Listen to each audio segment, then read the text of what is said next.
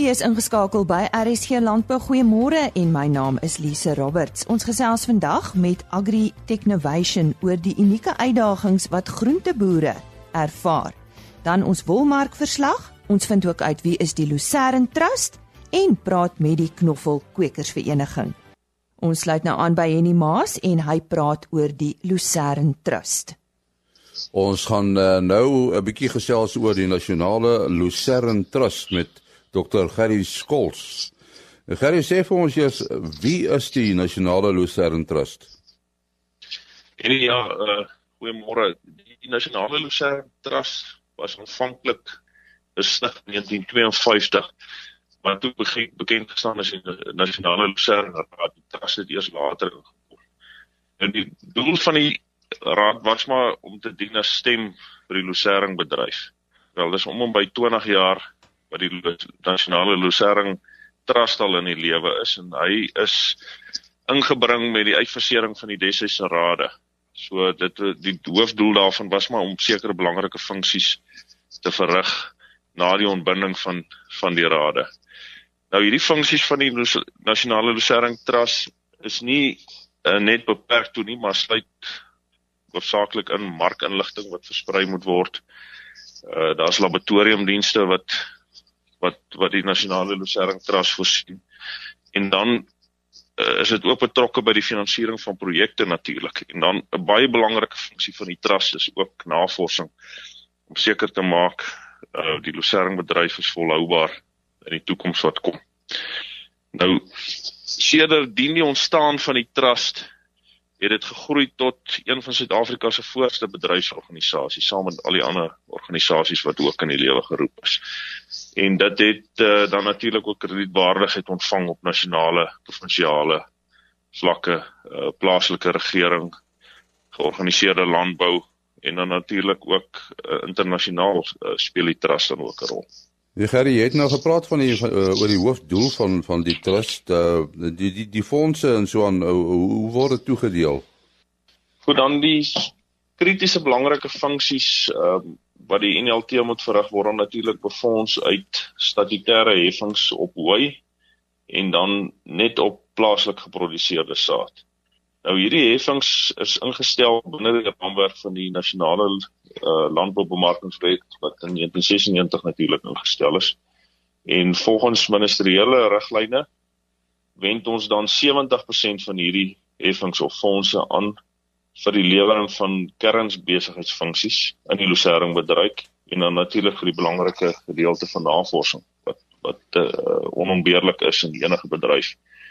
20% word dan oorgeskakel na transformasie toe en daar is tans 'n redelike suksesvolle projek in die town area aan die gang wat wat die NLT dan ook befonds en uh stuur op hierdie stadium. En dan minder as 10% vir administratiewe funksies. So in so in kort uh die NLT ehm uh, is verantwoordelik vir die administrering van die Lucerne bedryf in Suid-Afrika. Nou jy praat van Lucerne hooi. Uh, is daar ander vorme van veevoer waarin mens Lucerne nou kan gebruik? En ja, ehm um, Lucerne kan in verskillende forme aangewend word. Jy kan dit byvoorbeeld ehm um, verpil, so dit kan deel uitmaak as 'n komponent in in 'n verpillingsaanleg.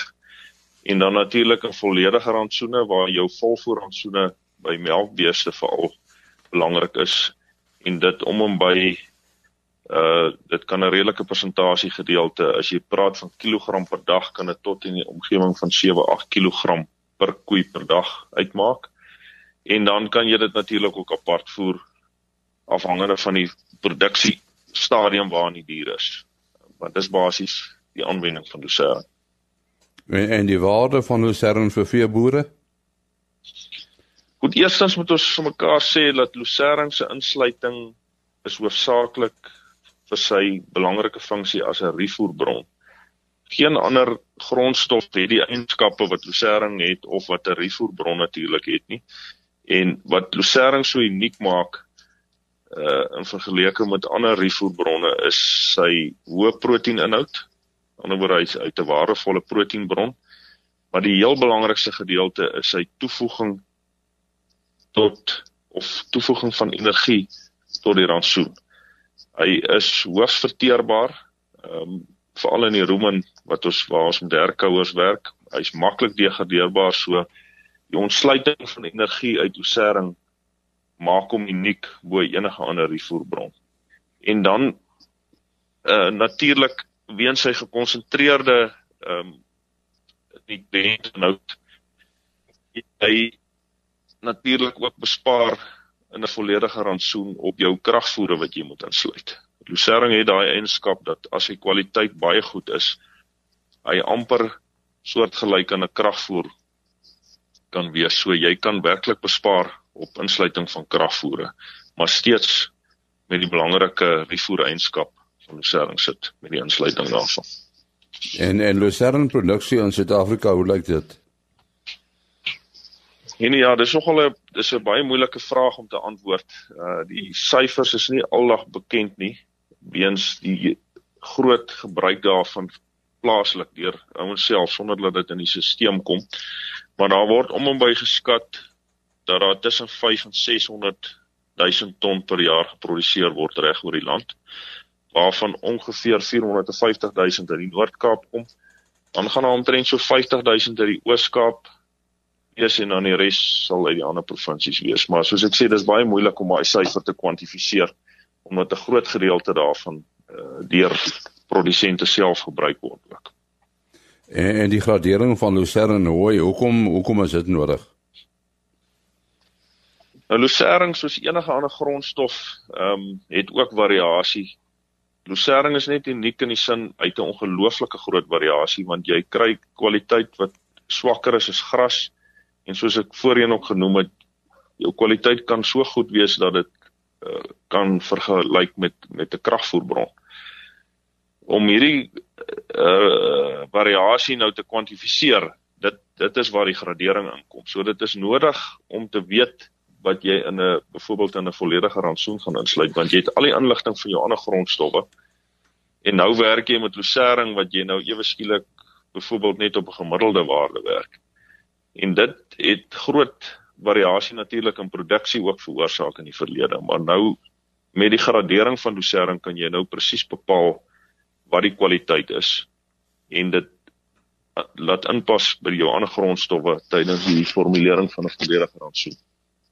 Nou ja, ons het nou gepraat vir die voordele vir produsente, maar dit het natuurlik ook voordele vir handelaars en verbruikers, né? Nee? Ja, definitief. Ehm um, eerstens sal hierdie graderingsstelsel natuurlik stabiliteit in die mark uh, skep. Ehm um, die werklike produksiepotensiaal word dan ook nou nou bepaal vir die eerste keer. So in die geval van 'n produsent sal hy kan 'n premie kry op 'n goeie produk. In ander woorde is hy meer moeite in die produksie van hierdie produk insit, kan hy natuurlik sy geld kry terugkry. Wat die verbruiker dan betref, hy kry waarde vir sy geld. So dit skep 'n tipe van 'n stabiele platform deurdat hy ehm um, weet wat hy kan inkoop en hy kan elke keer dieselfde tipe produk inkoop.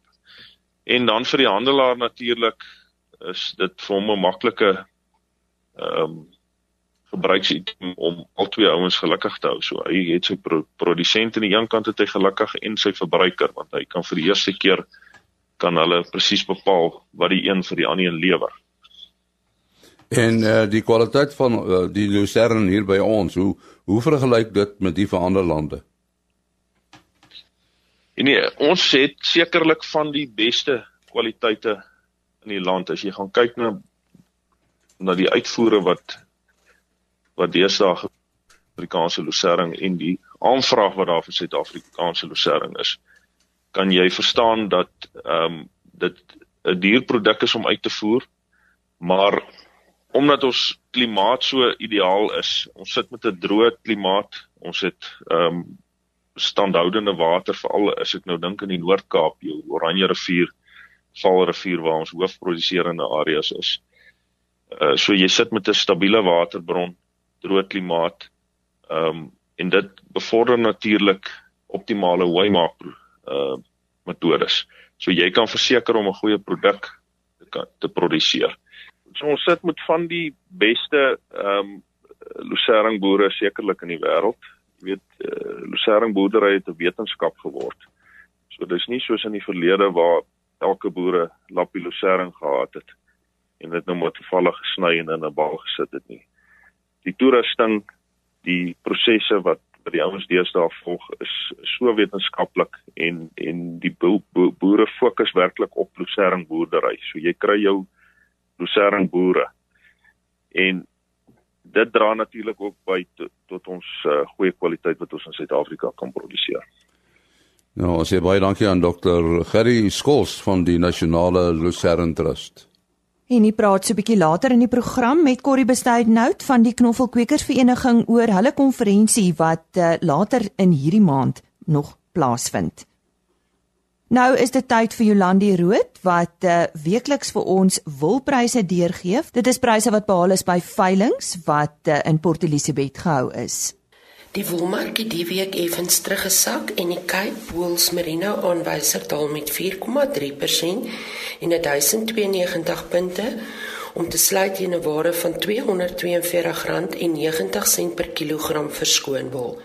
Die Australiese EMI daal met 1,0% die week. Die Cape Wools alle wol aanwyser daal met 4,3%.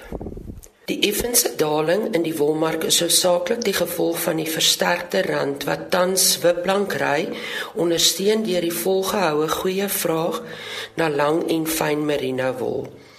Pryse het gedaal oor al die mikronkategorieë van fyn tot sterk wol en meer as 96% van die wol aangebied is verkoop. Geluk aan lul woolmakelaars wat hul hoogste prys nog tot op datum behaal het met ML72 wol van 16,3 mikron teen R250,10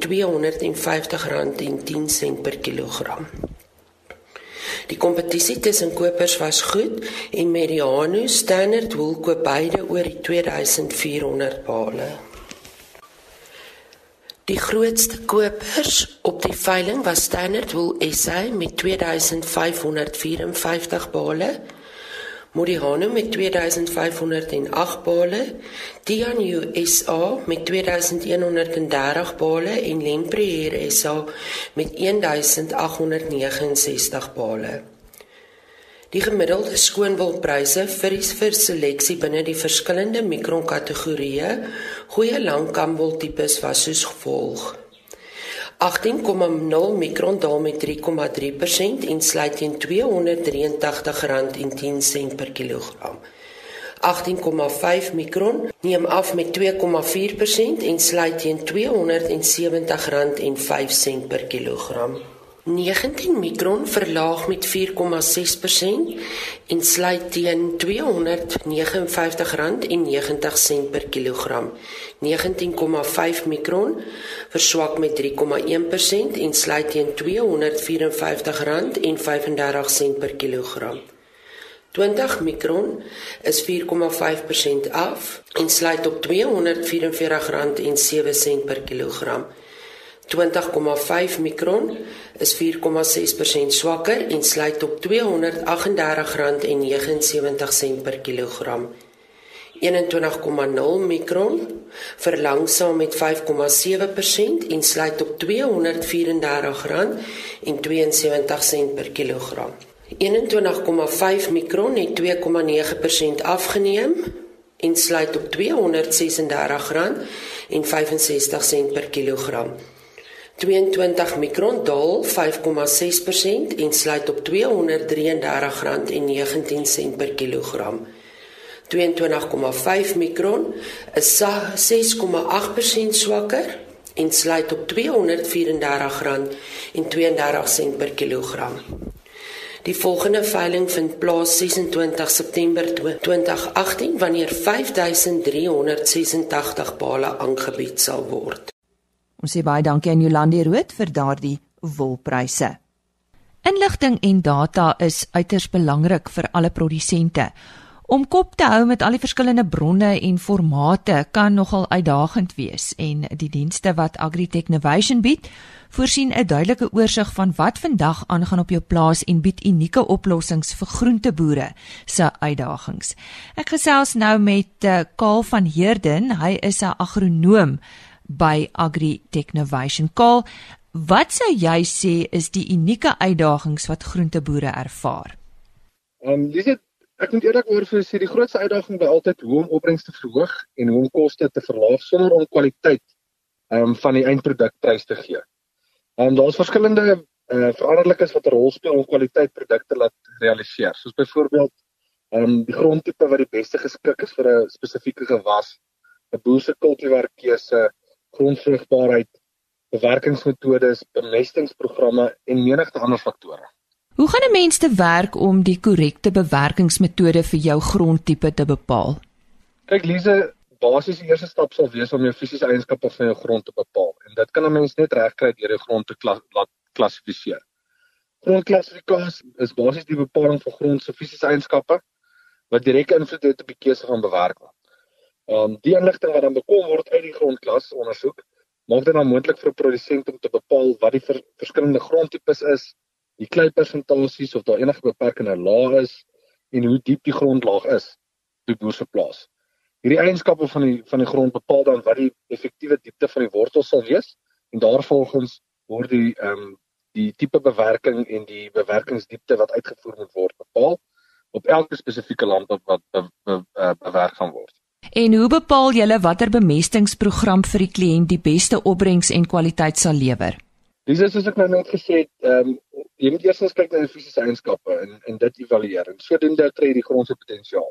As jy grondpotensiaal het, sal dit moontlik maak om die ehm um, gewas se opbrengs mikpunt te bepaal. Ehm um, maar dit is nie alwaar 'n mens moet kyk nie. Daar is ook ehm um, daar moet ook gekyk word na nutriëntstatus van die grond soos byvoorbeeld jou pH, jou fosfaat, jou kalsium, magnesium, kalium en natrium vlakke in die grond en ook selfs net die verhouding tussen hierdie verskillende elemente tot mekaar. Uh nog iets is byvoorbeeld uh uitraalbare suur, organiese koolstof en dan ook die KK van die grond wat beter bekend staan as die kation uitraalkapasiteit van die grond. As jy dit het, nou kan ons bepaal hoeveel van die verskillende voedingselemente voorsien moet word om daar enige grondregstellings gedoen moet word. Indien daar grondregstellings gedoen moet word, dan doen ons hulle. En wanneer al die grondregstellings gedoen is, word 'n bemestingsvoorstel opgestel opgestel vir die produsent wat gewas spesifiek, kultivars spesifiek en opbrengs spesifiek is. Dit is baie belangrik om dit te onthou. Die bemestingsvoorstel wat ehm um, word dan spesifiek ook vir elke land uitgewerk. Elke groentegewas het spesifieke opbrengsbehoeftes ten opsigte van voedingselemente. Dis bitter belangrik. Wat ook verskil tussen die verskillende behoeftes ten op, ten opsigte van voedingselemente. Ehm um, en ook jou jou jou ehm um, jou verskillende groeifases in die plant. En die hierdie spesifieke behoeftes aan te spreek en blaarontledings deur tyd te neem, word dit word dit moontlik vir die boer om sy opbrengs en kwaliteit te verhoog. Want hy kyk heeltyd na wat hy doen en wat gaan sy plante aan. En wat ook dan 'n bydrae sal lewer tot die kwaliteit van 'n boer se opbrengs is om seker te maak dat daar gekyk word na die biologiese aspekte van sy grond. Indien die biologiese aktiwiteit in 'n boer se grond hoog is, sal dit soveel meer bydra tot tot die effektiwiteit ehm um, van nutriëntopname vanuit die grond.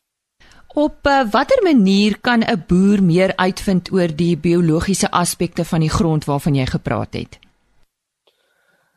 Ek lees om mee te begin moet ons verstaan dat daar 'n balans tussen ehm um, bestaan tussen voordelige en nadelige organismes in 'n gesonde grondekosisteem. Om jou net 'n idee te gee, Daar kan tot 1 miljard bakterieë en 1.3 km se swamdrade in 'n teelepeltjie biologies aktiewe grond wees. Aktiewe en uiteenlopende grondmikrobiese gemeenskappe speel 'n belangrike rol in die nutriëntsiklus in die grond. Die instandhouding van siekteweerstand en verskeie ander noodsaaklike prosesse wat bydra tot tot grond se weerstand teen kompaksie en korsvorming. Hoe gesonder jou grond is met betrekking tot 'n groter diversiteit verskeidenheid en aktiwiteit van ehm um, organismes, hoe meer effektief is die opname van voedingselemente. Gereelde ontledings en, en langtermyn monitering van veranderinge deur die Microlife Research Center in Wellington sal 'n waardevolle ondergrondse kyk kan kan gee na die impak wat verskillende landboupraktyke mag hê op die ges gesondheidstoestand van enige gegeewe grond. Is dit moontlik vir 'n boer om sy grondlewe te verbeter? Lise, eerstens is dit belangrik om grondlewe te verbeter en te handhaaf op 'n boer se plaas en te besef dat dit 'n langtermynproses is waar 'n boer 'n sekere boerderypraktyk sal moet toepas.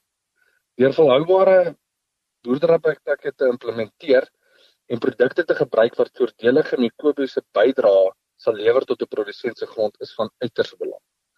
'n Plant aktiveer dan organiese sure wat afgeskei word wat dan mikroorganismes stimuleer in die grond en meer belangrik rondom die plant se wortelsone. Worteluitskeidings en gemeenskappe van mikroorganismes verbeter die oplosbaarheid en opname van nutriënte deur as 'n buffer teen skadelike bakterieë en swamme op te tree. Gesonde grond, verbeterde waterbestuur, 'n beter wortelontwikkeling en 'n toename in die beskikbaarheid van voedingsstowwe is 'n formule wat positief bydra tot die volhoubare winsgewendheid en vrugbaarheid van 'n boer se grond. Kama, maar wat kan 'n boer nog doen om proaktief op te tree om kwaliteit en opbrengs te verseker ten opsigte van sy bemesting? Dis ek is so bly jy die die woordjie proaktief gebruik. Boonbehalwe die fisiese en chemiese en selfs die biologiese grondontledings, kan 'n produsent van ons blaar en waterontledings ook gebruik maak. Die watergehalte kan kan kort en langtermyn gevolge hê op gewasproduksie en die volhoubaarheid daarvan. Aangesien die samestelling van grondwater baie meer veranderlik is as oppervlaktewater, beveel ons aan dat die kwaliteit en vereiste regstellingprosedures bepaal word voordat besproeiing vanaf 'n nuwe waterbron plaasvind en dat elke individuele waterbron minstens 2 keer per jaar geanaliseer word, soos byvoorbeeld elke winter en elke somer. Waterontledings gee insigte oor elemente wat in die water beskikbaar is en deur die plant opgeneem word. Vertel ons meer oor blaarontledings. Wel basies lees die fokus van blaarontledings is om die vlakke en verhoudings van, van voedingsstowwe in die uh, blaarweefsel van 'n plant te meet. Met blaaranalise kan dit wat nie vir die oog sigbaar is nie geïdentifiseer word en die gewasse verborgde honger kan mens amper sê aangespreek word. Agritechnovation gebruik die ITS lief gespesialiseerde metode om plant se voedingsstatus te ontleed en druk druk ook noodsaaklike voedingselemente in verhouding tot mekaar uit in die verskillende groeifases. Dit is bitter belangrik om dit ook te onthou. Die ITS lief bied aan produsente individuele blaarontledings en GPS verwysings met ons landboukundige interpretasie wat insig bied vir aanbevelings aan produsente oor hoe wanbalanse indien enige reggestel kan word. Sommige voedingselemente onderdruk sekere ander elemente. Sommiges werk weer sinergisties. Blaarvoedings behoort dus nie net blindelings to, toegedien te word nie. Dit kan gebeur dat 'n produsent daardeur 'n element toedien wat eintlik reeds in oormaat in die blare voorkom en deur die nuwe toediening van ander elemente nog verder onderdruk word. Nou ja, vir die luisteraars wat nou eers by ons aangesluit het, ons gesels met 'n Kaal van Heerde, 'n agronoom by Agritechnovation. Ja, gepraat van julle Kaal, watter dienste verskaf Agritechnovation? Ons kan produsente bystaan deur die doen en interpretasie van grondfisiese en grondchemiese ontledings. Ons verskaf ook ontledingsdienste soos die iTest Leaf, die iTest Water en die iTest Microlife waar ons die mikrobelewe van 'n in 'n produsent se grond ontleed. Al die inligting word dan ook op ons MyFarmWeb elektroniese platform beskikbaar gestel aan boere waar die inligting vir die boere meer waarde kan toevoeg. Die belangrikste van alles is dat boere ondersteun word deur 'n gekwalifiseerde landboukundige. Wanneer ons kyk na hierdie tipe tegnologie, watter bydrae dink jy lewer dit tot die produktiwiteit van produsente, byvoorbeeld um, in hierdie verband? Dis deur tegnologiese vordering soos byvoorbeeld MyFarmWeb deel te maak van 'n boer se bestuur, kan dit vir hom of haar verskeie voordele hê. As jy weet wat gebeur het op 'n land en jy het spesifieke resultate gekry, dan kan ons teruggaan en gaan kyk presies wat was die rede daarvoor gewees en waar lê die uitdagings. Dit kan ons net doen deur al hierdie inligting bymekaar te hou op een platform, te visualiseer en dit dan te kan vergelyk soos op 'n platform soos MyFarmWeb. En dis ingeligte besluite reg deur die bank te neem. Waar kan produsente nou meer inligting oor hierdie ondersteuningsdienste en produkte verkry? Diese produsente kan gerus hulle naaste Laveld Agrochem agent of Agritech Innovation Land bekundig geskakel of ons webtuiste by www.agritechnovation.co.za besoek. Sê baie dankie aan Karl van Heerden van Agritechnovation. Hy's 'n agronoom en ons herhaal net daai webtuiste. Dit is www.agritechnovation.co.za. Soos beloof, gesels ons nou knoffelsake.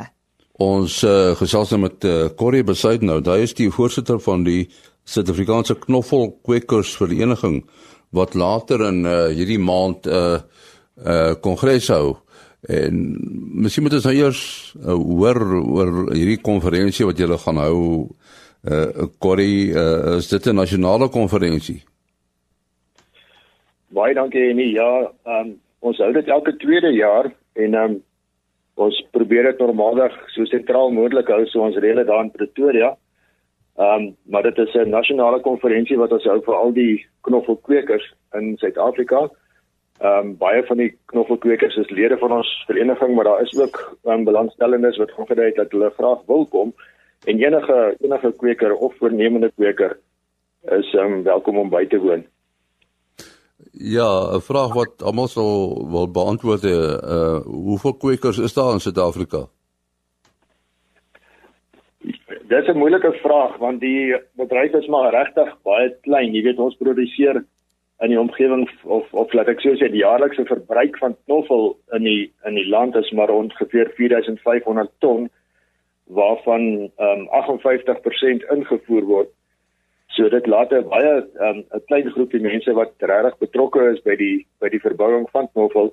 Daar's heelwat ehm um, mense wat kom en gaan in die bedryf en die die rots of die staatmakers in die bedryf so ek sê uh, in 'n omgewing van 50 60 produsente wat daarom dit nou op 'n redelike skaal doen.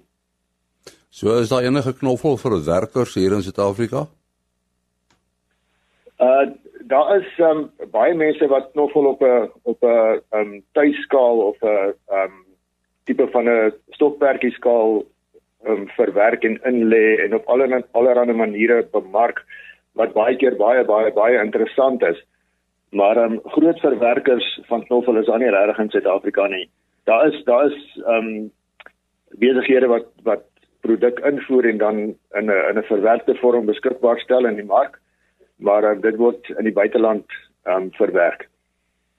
Uh, is dit dan so moeilik om te verwerk? Ja ja, dit is nie dat dit so moeilik is om te verwerk nie, maar die die groot probleem inkom by kom in by ekonomie van skaal, jy weet om dit om dit op 'n redelike skaal te doen is moeilik om te kompeteer teen die prys wat die goed um, teen ingevoer word. Veral die inge die verwerkte produk word baie baie goedkoop ingevoer. So dis regtig moeilik om daarteen te kompeteer. So dis eintlik net ehm um, die somme wat die probleme veroorsaak. So is dit 'n duur produk om te verbou. En dit is redelik 'n moeilike produk om te verbou. Die die weet knoffel se ehm um, op die op op die land vanaf jy hom plant is tussen 5 en 'n half en 6 maande. So vir daai tydperk moet jy hom ehm um, versorg en water gee en aan die gang hou. En dan buite dit is daar uh, nie regtig 'n groot kans om te mekaniseer nie. Jy weet ons is maar almal al heeltemal blootgestel aan aan aan ander arbeid om die produk te plant en te te oes en, en te verwerk om by die verbruiker uit te kom. So dit veroorsaak dat dit regtig 'n duur produk is om mee te werk. Uh, kom ons praat 'n bietjie oor die konferensie. Wat is die tema van die konferensie? Weet jy ons het probeer om die konferensie so wyd as moontlik te, te hou. So ons het nie 'n sentrale tema nie.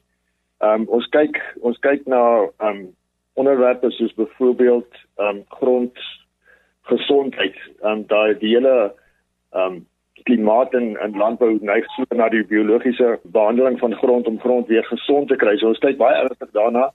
Ja, die effek van jy weet jou chemiese ehm um, keuses wat jy doen, die effek daarvan op jou mikroorganisme, bevolking en die grond. Kyk ons na en dan kyk ons um, baie ernstig ook na ehm um, mense wat vir ons help met ehm um, siektes, plantsiektes, ehm um, grondsiektes, wortelsiektes. Ons kyk daarna en dan kyk ons ook op 'n groter skaal na die ehm um, die die bemarkingsomgewing, uh, klasstandaarde, verpakkingsregulasies wat onlangs verander het en wat um, iemand van departement landbou vir ons gaan kom behandel. En dan uh, kyk ons ook as ons baie opgewonde oor 'n moontlike projek waarmee ons weer wil kyk hoe ons ons, ons plantmateriaal virusvry kan kry.